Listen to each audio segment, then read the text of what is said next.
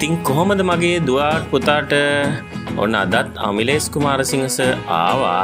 ඔයාලට ඉංගලිෂින් Sinhala kids edition එකේ 13th episode එක අරගෙන. කීවනි එපිසෝඩ් එකද මගේ පුතේදුවේ 13th එපිසෝඩ් එක. මේ වෙනකොට එපිසෝඩ්ස් මම ගෙනල්ලා තිනෝ ඔගොල්ලොන්ට දොළහක්. 12 එපිසෝඩ්ස් අපි දැන් මේ වෙනකොට කරලා ඉවරයි. 13th එපිසෝඩ් එක තමයි මම මේ අද කරන්න හදන්නේ. ඉතින් දුවේ පුතේ කලින් පාඩමේදි මං ඔයාලට පැහැදිලි කිරීමක් කළා ඕපන් ක්ලාස් ගැන. ඕපන් ක්ලාස් කියලා කියන්නේ මොකක්ද කියනක හොඳ පැහැදිලි කිරීමක්. ලෙවන්ත එපිසෝඩ් එකේදී මම ඔයාලට ගෙනවා.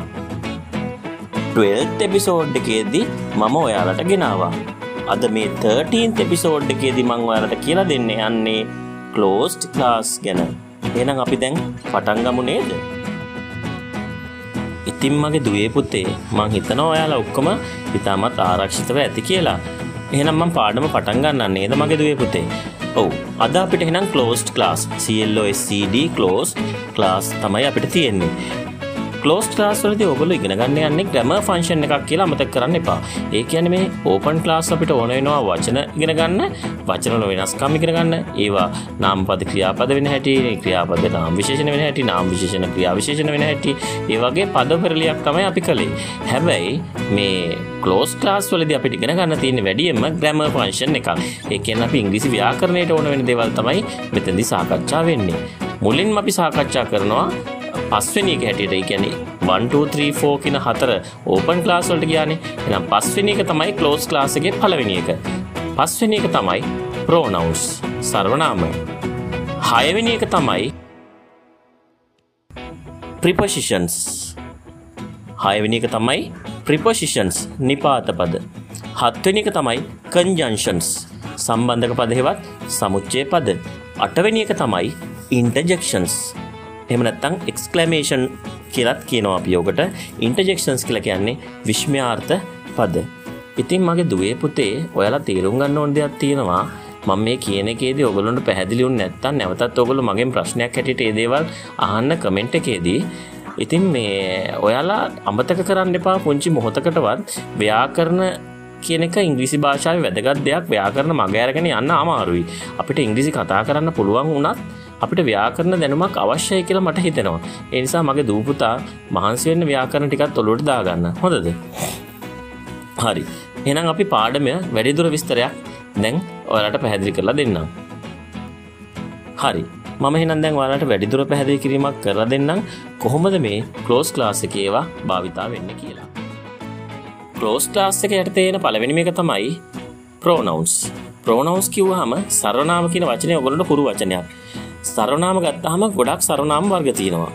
ඒ සරනාම් වර්ග ගොඩක් අතරින් ගොඩාක් වැදවෙන ගත්වෙන එකක් තමයි අපිට රිලේටව ප්‍රෝනවස් සම්බන්ධවාචී සරනාම කියනක රිලේට ප්‍රෝනවස් කෙන ගොඩක් ඉංග්‍රිස් භාෂා අපිට වැදගත්වෙනවා සරනාම්පද ඕන වෙන්නේ මොකටද දරුවනේ? සරනාම්පද ඕන වෙන්නේ නාමපදයක් වෙනුවට භාවිතා කරලා වාක්‍ය සම්බන්ධ කිරීමට. ගොඩක් සරනාම්පද ඕන වෙන්න මොකටද? නාම්පද වෙනුවට භාවිතා කිරීමට. එහෙනම් සරනාම්පදයක මූලිකම ලක්ෂණය තමයි නාම්පදයක් වෙනුවට භාවිතා කරලා වාක්‍යයන් අතර සම්බන්ධය ගොඩනගන එක. ඒකෙදි සාමාන්‍ය වැඩිපුරම වෙන්නේ නාමපදේ නැවත නැවත යෙදීම වළක්වන එක.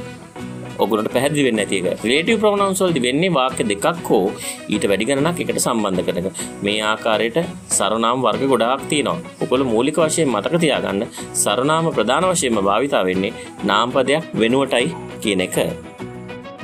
ඉතින් මගේ දුවේ පුතේ ප්‍රෝනවුන්ස් වලට පස්සේ තියෙන්නේ අපිට ප්‍රිපොසිෂන්ස් නිපාත පද. නිපාත පද භාවිතා කරනවා විවිධ හේතු කාරණා කීපයක් නිසා. ප්‍රධානම කාරණයක් තමයි පද සම්බන්ධ කරන්න. ඒ කියන්නේ වාක්‍යවලට පද සම්බන්ධ කරන්න. ඒ කියන්නේ පදයකින් වාක්‍යයකට වාක්‍යයෙන් පදයකට ඇති අන්තර් සම්බන්ධය පෙන්නුම් කරන්න තමයි නිපාත පද භාවිතා කරන්නේ. ඔව් නිපාත පද කියන එක ගැන වැඩිදුර හදාරන්න අවශ්‍ය නම් මගේ දුවට පුතාට මගේ YouTube එකේ අමිලේස් කුමාරසිංහ කියන channel එකට ගිහිල්ලා ඒකේ බලන්න නිපාතව සම්බන්ධයෙන් මම හොඳ පැහැදිලි කිරීමක් කරලා තියෙනවා. ඒත් මගේ දුවේ පුතේ ඒක ප්‍රමාණවත් නොවෙන්න පුළුවන් සාමාන්‍යයෙන් වැඩිදුර නිපාත පද ගැන හදාරන කෙනෙකුට මගේ මූලිකම අදහස තමයි ඒක ඉදිරිපත් කිරීමේදී මූලික හරය ළමයි තේරුම් ගන්න ඕනේ නිපාතපද මොකද නිපාතපද කියන එක ටිකක් අමාරුවෙන් ඉංග්‍රීසි භාෂාවේ. ඒ කියන්නේ සමහරක් ගුරුවරුත් අපිට මේ දකින්න පුළුවන් දෙයක් තමයි මේ නිපාතපද පටල ගන්නවා. මොකද සමහරක් නිපාත පද මේ සම්බන්ධක පද හැටියට ක්‍රියාත්මක වෙනවනේ. එතකොට අන්න එතන පැටලීමක් එනවා. නිපාත පදම සම්බන්ධක පද හැටියට භාවිත වෙන අවස්ථා තියෙනවා. උදාහරණයක් හැටියට after කියන වචනේ before කියන වචනේ. Till until කියන වචන. ඒ වගේම නිපාත පද වගේම මේ කන්ජක්ෂන් සැටියට එහෙම නැත්නම් සම්බන්ධක පද හැටියට භාවිත කරනවා. ඒ නිසා ඔන්න ඔය දේවල් පැටලෙන්න පුළුවන්. මගේ දූ පුතා ඒක නිසා මූලික හරය ගැන අවබෝධයක් ගන්න ඔයගොල්ලෝගේ ඉස්කෝලේ පොත්වලට එහෙම නැත්නම් පාසලේ පෙළ පොත් දිහා බැලුවොත් ඔයගොල්ලන්ට තේරෙයි මේ පෙළ පොත්වලත් ඔය යෙදිලා තියෙනවා. ඉතින් ඒවා තේරුම් ගන්නත් මූලික අවබෝධයක් තියෙන්න ඕන නිසායි මගේ දූට පුතාට මම කියලා දෙන්නේ නිපාත කියලා කියන්නේ ක්ලෝස් ක්ලාස් වල තියෙන වැදගත්ම ව්‍යාකරණ අංගයක් කියලා. ඒ නිපාත පද ටික ගැන හොඳ අවබෝධයක් තියෙනවා නම් ගොඩක් විභාගවලදී ලකුණු රැස් කරන්න පුළුවන් හොඳ මාධ්‍යයක් එක ඒ වගේම ලියන්න උපකාර වෙන හොඳම දෙයක් තමයි නිපාත පද. තුන්වෙනි එක හැටියට එහෙම නැත්නම් අපි හත්වෙනි එක හැටියට ගන්න කන්ජන්ෂන්ස් එහෙම නැත්නම් සම්බන්ධක පද හේවත් සමුච්චය පද. සම්බන්ධක පද වලින් සාමාන්‍යයෙන් කරන්නේ පද හෝ වාක්‍ය කණ්ඩ හෝ වාක්‍ය සම්බන්ධ කරන එක. සාමාන්‍ය වාක්‍ය දෙකක් හෝ ඊට වැඩි කරනක් සම්බන්ධ කිරීමේදී මේ කන්ජන්ෂන්ස් එහෙම නැත්නම් සම්බන්ධක පද ඉවහල් වෙනවා. ඒ වගේම තමයි වාක්‍ය දෙපැත්ත හරවලා ලියන්නේ. ඒ කියන්නේ මුලට ලියන වාක්‍ය අගට දාන්නත් අගට ලියන වාක්‍ය මුලට දාන්නත් පුළුවන් ආකාරයේ යෙදුම් කිහිපයක් භාවිතා වෙනවා මේ සම්බන්ධක පදවලදී. සම්බන්ධක පදවලට උදාහරණයක් හැටියට if කියන පදය, when කියන පදය, before කියන පදය, after කියන පදය නේද?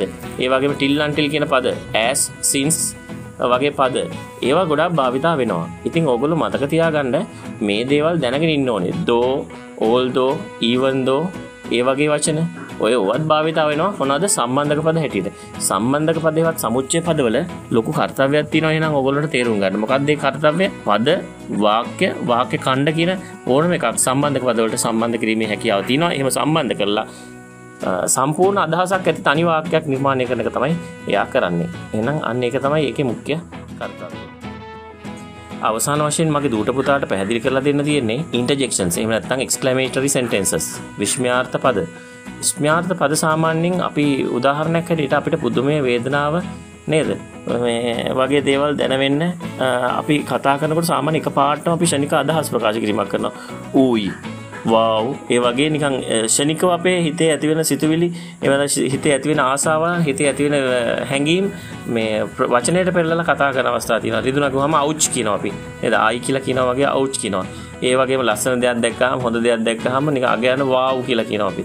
ඒ වගේ නේද? අහෝ නපුර කියලා වගේ අදහස් අපි ප්‍රකාශ වෙනවා. ඒ වගේ විශ්මය දැනෙන, පුදුමය දැනෙන, වේදනාව දැනෙන නේද? අන්න ඒ වගේ දේවල් ප්‍රකාශ කරන්න අපි විශ්මයාර්ථපද භාවිතා කරනවා. ඉතින් ඉංග්‍රීසි භාෂාව ඉගෙන ගන්න කෙනෙක් හැටියට වර්ඩ් ක්ලාසස් වලදී, කියන්නේ පද වර්ග වලදී ඉන්ටර්ජෙක්ෂන්ස් කියන එකත් ඔයගොල්ලෝ අනිවාර්යයෙන්ම ඉගෙන ගන්න ඕන එකක් කියලා අමතක කරන්න එපා. අද එපිසෝඩ් එක. එකන 13th එපිසෝඩ් එක මෙන්න මේ විදිහට අවසන් කරන්න ඕන.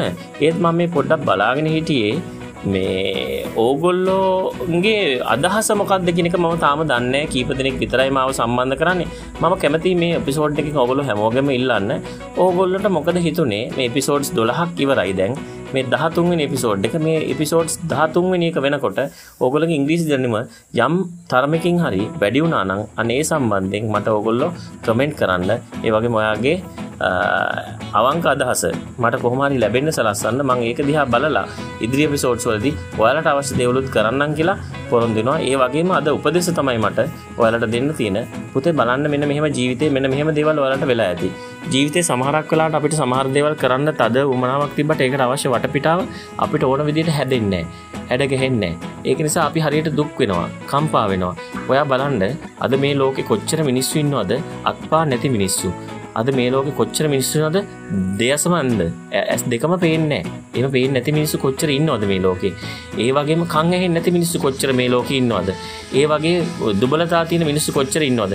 නමුත් ඒගොල්ලෝ කවදාවත් ඒ දුබලතා ගැන නේද? කියමින් ඒගොල්ලෝ ඒ ගැන කතා කරන්නේ නැහැ ඒගොල්ලෝ ඇත්තටම ඒකට ප්‍රතිවිරුද්ධව සටන් කරනවා. සටන් කරලා ඒගොල්ලෝගේ දක්ෂතාවත් මේ ලෝකෙට එලි දක්වනවා. ඉතින් මගේ දුවේ පුතේ ඔයාලට දෙයියන්ගේ පිහිටින්. නේද මේ හැම දෙයක්ම තියෙනවා සමහරක් වෙලාට එහෙම නොතියන කෙනෙකුත් මේක අහනවා වෙන්න පුළුවන් නමුත් Tamanට මොන දුබලතාවයක් තිබ්බත් Tamanට මොන ප්‍රශ්නයක් තිබ්බත් ඈ Tamanට හොඳ බුද්ධියක් තියෙනවා නම් හොඳ අනාගතයක් ගැන බලාපොරොත්තුවක් තියෙනවා නම් නේද ඒක වෙනුවෙන් මහන්සි වෙන්න කියන එක තමයි මම ඔයගොල්ලෝගෙන් ඉල්ලන්නේ. මොකද ඒක වෙනුවෙන් මහන්සි නොවුනොත් ඔයගොල්ලන්ට කවදාවත් නිකන් කවුරුත් දීසියක බන්දේසියක තියලා ගෙනල්ලා දෙන්නේ නැහැ වෙන්න ගන්න කියලා. ඔයගොල්ලෝ මහන්සි වෙලාම තමයි මේ දේවල් දිනා ගන්න ඕනේ. ඒක නිසා මගේ ඉල්ලීම තමයි අද යම් කිසි දෙයක් ඔයාලට කොච්චරට උවමනාද අන්නේ උවමනා තරමට මහන්සි වෙන්න. ඒක එච්චරට උවමනයි නම් ඒ වෙනුවෙන් මහන්සි වෙන්නේ. මහන්සි වෙලා කැපකිරීමක් කළාම තමයි වාට ඒ දේ ලේසියෙන්ම දිනා ගන්න පුළුවන් වෙන්නේ. එහෙනම් මම 13th එපිසෝඩ් එක මෙන්න මේ විදිහට අවසන් කරනවා මගේ දුවේ පුතේ.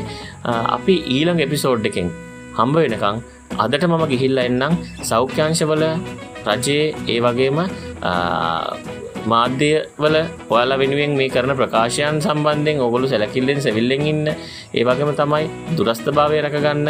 ඒ වගේම තමයි ඔයාගේ සෞඛ්‍ය පුරුදු ටික හරියට ආකාරව නොවුනොත් එහෙම කවදා හරි දවසක ඒකේ නේද? මම අර සොයම් විනය ගැන කියලා දුන්නේ. ඒකේ ආදීනෝ ඔයාටමයි එන්නේ. ඒක නිසා ඔයා පරිස්සම් වුණොත් තමයි ඔයාගේ ආච්චි සීයා ඒ වගේම ඔයාගේ නැන්ද මාමා වැඩිහිටියෝ ඒ වගේ වසල්වාසීන් ප්‍රවේශම් වෙන්නේ. ඒ නිසා හැමදාම මේ සෞඛ්‍ය පුරුදු වලට අවනත වෙලා මෙන්න මෙහෙම ඉංග්‍රීසි ටිකකුත් හදාගෙන අපි ජීවිතේ ඉස්සරහට යමු කියලා මම යෝජනා කරනවා. එහෙනම් 14th එපිසෝඩ් එකකින් එහෙම නැත්නම් 14 වෙනි එපිසෝඩ් එකකින් හෙට ඔයාලව හම්බ වෙනකන් මම අදට ගිහිල්ලා එන්නම්. මම අමිල එස් කුමාරසිංහ. බුදු සරණයි දේ පිහිටයි මගේ රත්තරන් දරුවන්.